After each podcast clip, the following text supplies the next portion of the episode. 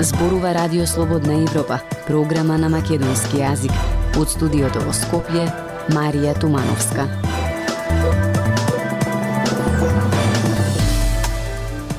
Добре дојдовте во емисијата. Во неа ке слушате. Македонија го прослави Денот на Републиката Илинден. Политичарите со пораки за сплотеност и обединување. Лето е, а високите температури бараат разладување. Капачи има, но колку е безбедно капењето во реките и езерата во земјава. Од светот, што не чека зимава? Ке научиме ли да живееме со вирусот? Научниците предвидуваат серија бранови на COVID-19. Независни вести и анализи за иднината на Македонија. На Радио Слободна Европа и слободнаевропа.мк. Почнуваме со емисијата. Илинден, нашата сила за иднината. Ова е слоганот под кој годинава се одбележува 2 август Денот на Републиката. Пораке за обединета и Европска Македонија упатија представниците на државниот врв. Премиерот Димитар Ковачевски повика на обединување за остварување на стратешката цел – интеграција во Европската Унија. Лидерот на ВМРО ДПМН епак Христијан Мицкоски побара поддршка за референдум за прифаќање на францускиот предлог. Обединување, слога, единственост. Овие зборови беа најчесто повторувани во говорите на македонските државници по повод националниот празник Илинден. Со повеќе свечености и пригодни манифестации низ неколку места во државата беше одбележан денот кога славиме 119 години од започнувањето на Илинденското востание, прогласувањето на Крушевската република и денот кога пред 78 години е одржано првото заседание на АСНОМ. Од централната манифестација која се одржуваше на Мечкин камен во Крушево се обрати премиерот Димитар Ковачевски. Како што успеавме да се обединиме независно од нашата етничка и верска припадност, нашата заедничка должност е да се обединиме и независно од политичките определби, како и линденците и јасномците, и ние да ги поставиме пред нас државните приоритети. Тие приоритети и во времето на Илинден, и во времето на Асном, и денес се напредок на државата. Нема поголем државен приоритет од патот напред, кој што носи перспективи за еднината на младите и економски напредок за граѓаните. Тоа е можно со интеграцијата во европското семејство. Не постои поголем патриотизам од носењето на државнички одлуки, рече премиерот порачувајќи дека сега е време за обединување, заедништво и верба во подобро утре. По 18 години македонска делегација предводена од шефот на државата Стево Пендаровски пристигна во манастирот Свети Прокор Пчински, каде се одржало првото заседание на АСНО. Предходно во својот говор пред јавноста, тој порача дека историската вистина не може да се промени со договор, ниту со протокол протокол, бидејќи фактите го разобличуваат секој, како што рече, наметнат конструкт. Не треба да чувствуваме никаков страф.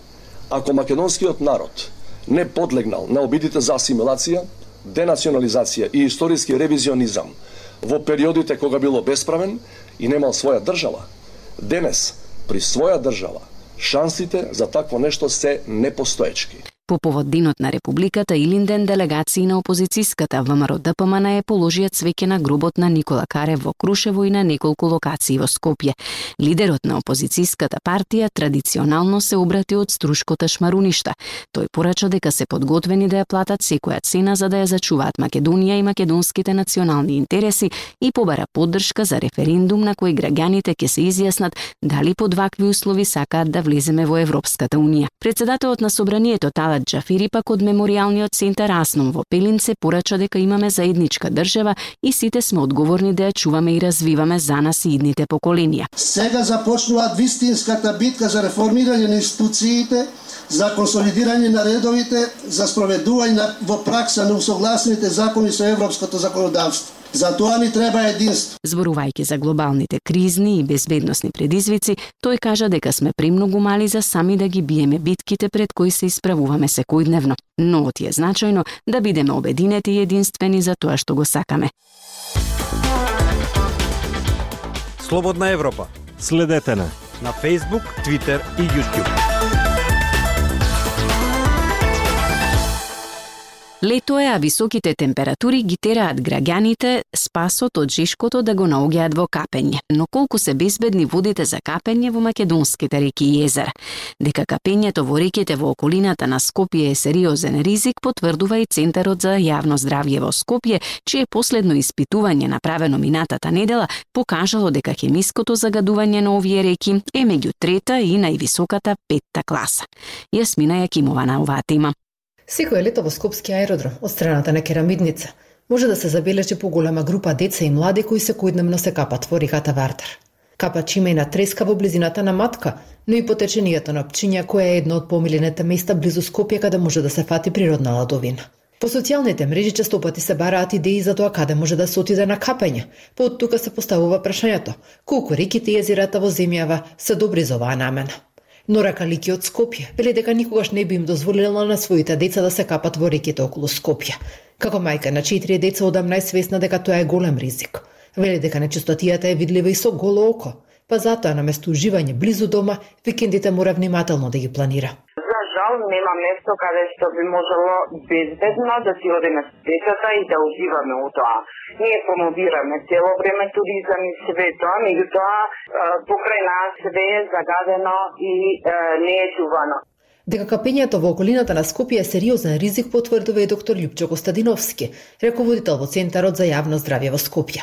Последното испитување на водите на Вардар, Треска, Лепенец и Пчиња покажало дека химиското загадување на овие реки е меѓу трета и највисоката петта класа, додека бактериолошки сите се класифицирани во најлоша четврта класа.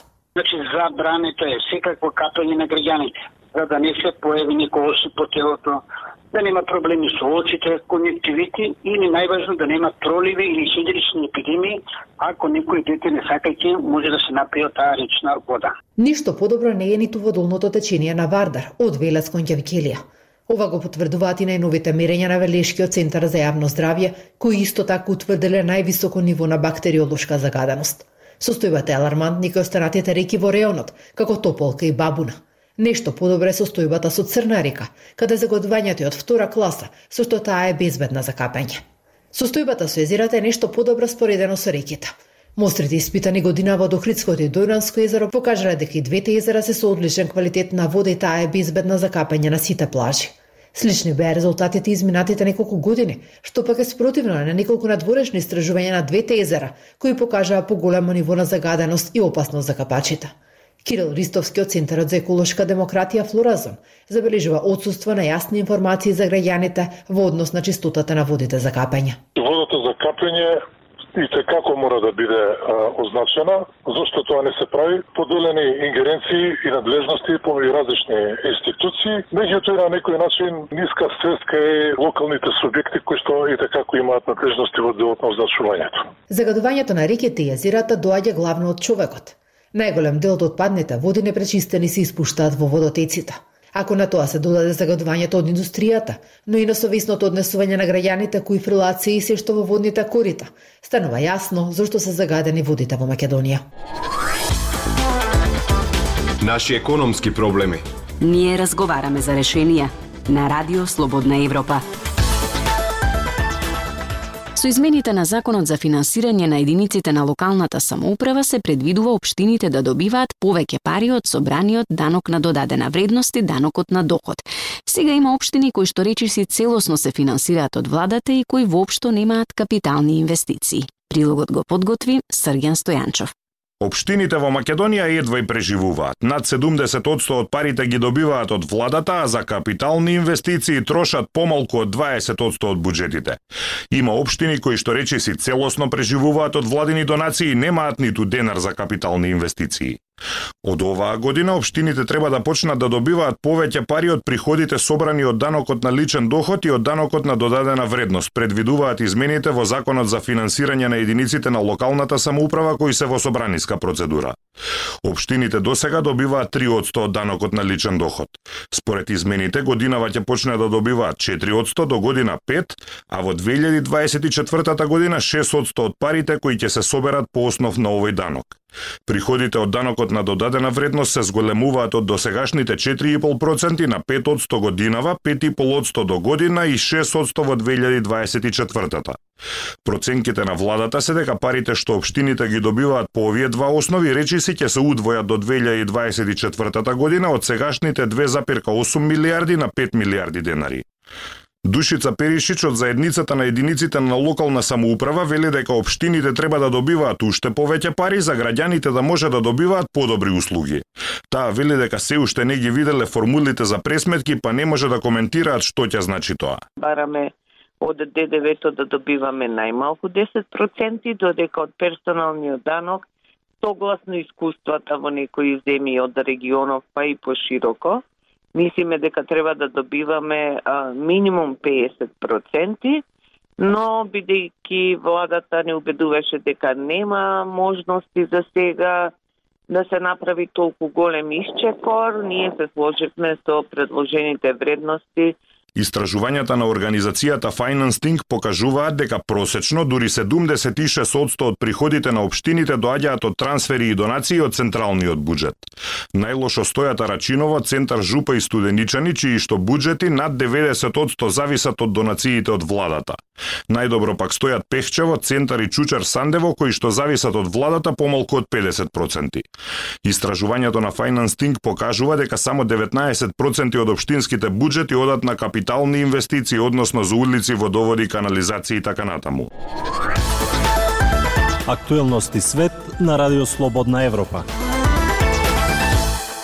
Од светот, низ Европа научниците предвидуваат серија бранови на COVID-19, бидејќи луѓето преминуваат повеќе време во затворени простории за време на постудените месеци, овој пат без некакви ограничувања за маски или социјално дистанцирање.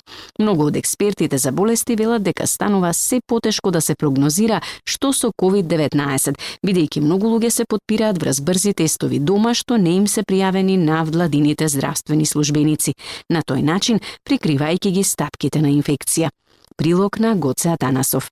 Само во Соединетите држави ова зима може да има до милион инфекции дневно, изјави Крис Маре, раководител на Институтот за здравствена метрика и евалуација, независна група за моделирање на Универзитетот во Вашингтон која ја следи пандемијата. Тоа би било околу двојно повеќе од сегашното дневно ниво. Низ Европа, научниците предвидуваат серија бранови на COVID-19, бидејќи луѓето поминуваат повеќе време во затворени простории за време на постудените месеци. Овој пат без речиси никакви ограничувања за маскирање или социјално дистанцирање. Сепак, иако случаите може повторно да се зголемат во наредните месеци, смртните случаи и хоспитализацијети веројатно нема да се зголемат со ист интензитет, велат експертите, наведувајќи дека тоа е поради вакцинацијата, преземените мерки, поблагите варијанти на коронавирусот и достапноста на високо ефикасни третмани. Луѓето кои се изложени на најголем ризик се оние кои никогаш немале коронавирус, рече Мареј. Овие прогнози покренуваат нови прашања за тоа кога земјите ќе излезат од вонредната фаза и ќе влезат во состојба на ендемична болест, каде што заедниците со високи стапки на вакцинација забележуваат помали епидемии, можеби на сезонска основа. Треба да оставиме настрана идејата дали пандемијата заврши вели Адам Кучарски, епидемиолог од Лонзовската школа за хигиена и тропска медицина. Тој и другите гледаат дека COVID-19 се претвора во ендемска закана, што се уште предизвикува висок товар. Некој еднаш ми кажа дека дефиницијата за ендемичноста е дека животот станува малку полош, додаде тој. Потенцијалната вал карта останува дали ќе се појави нова варијанта, која ќе ги надмине моментално доминантните подваријанти на Омикрон. Доколку таа варијанта предизвикува и потешка болест и е подобро способна да го избегне предходниот имунитет, тоа би било најлошото сценарио, се вели во неодамнишниот извештај на Светската здравствена организација. Многу од експертите за болести велат дека прогнозите за COVID-19 стануваат се потешки, бидејќи многу луѓе се подпираат врз брзи тестови дома, што не се пријавени на владините здравствени службеници, прикривајќи ги стапките на инфекцијата.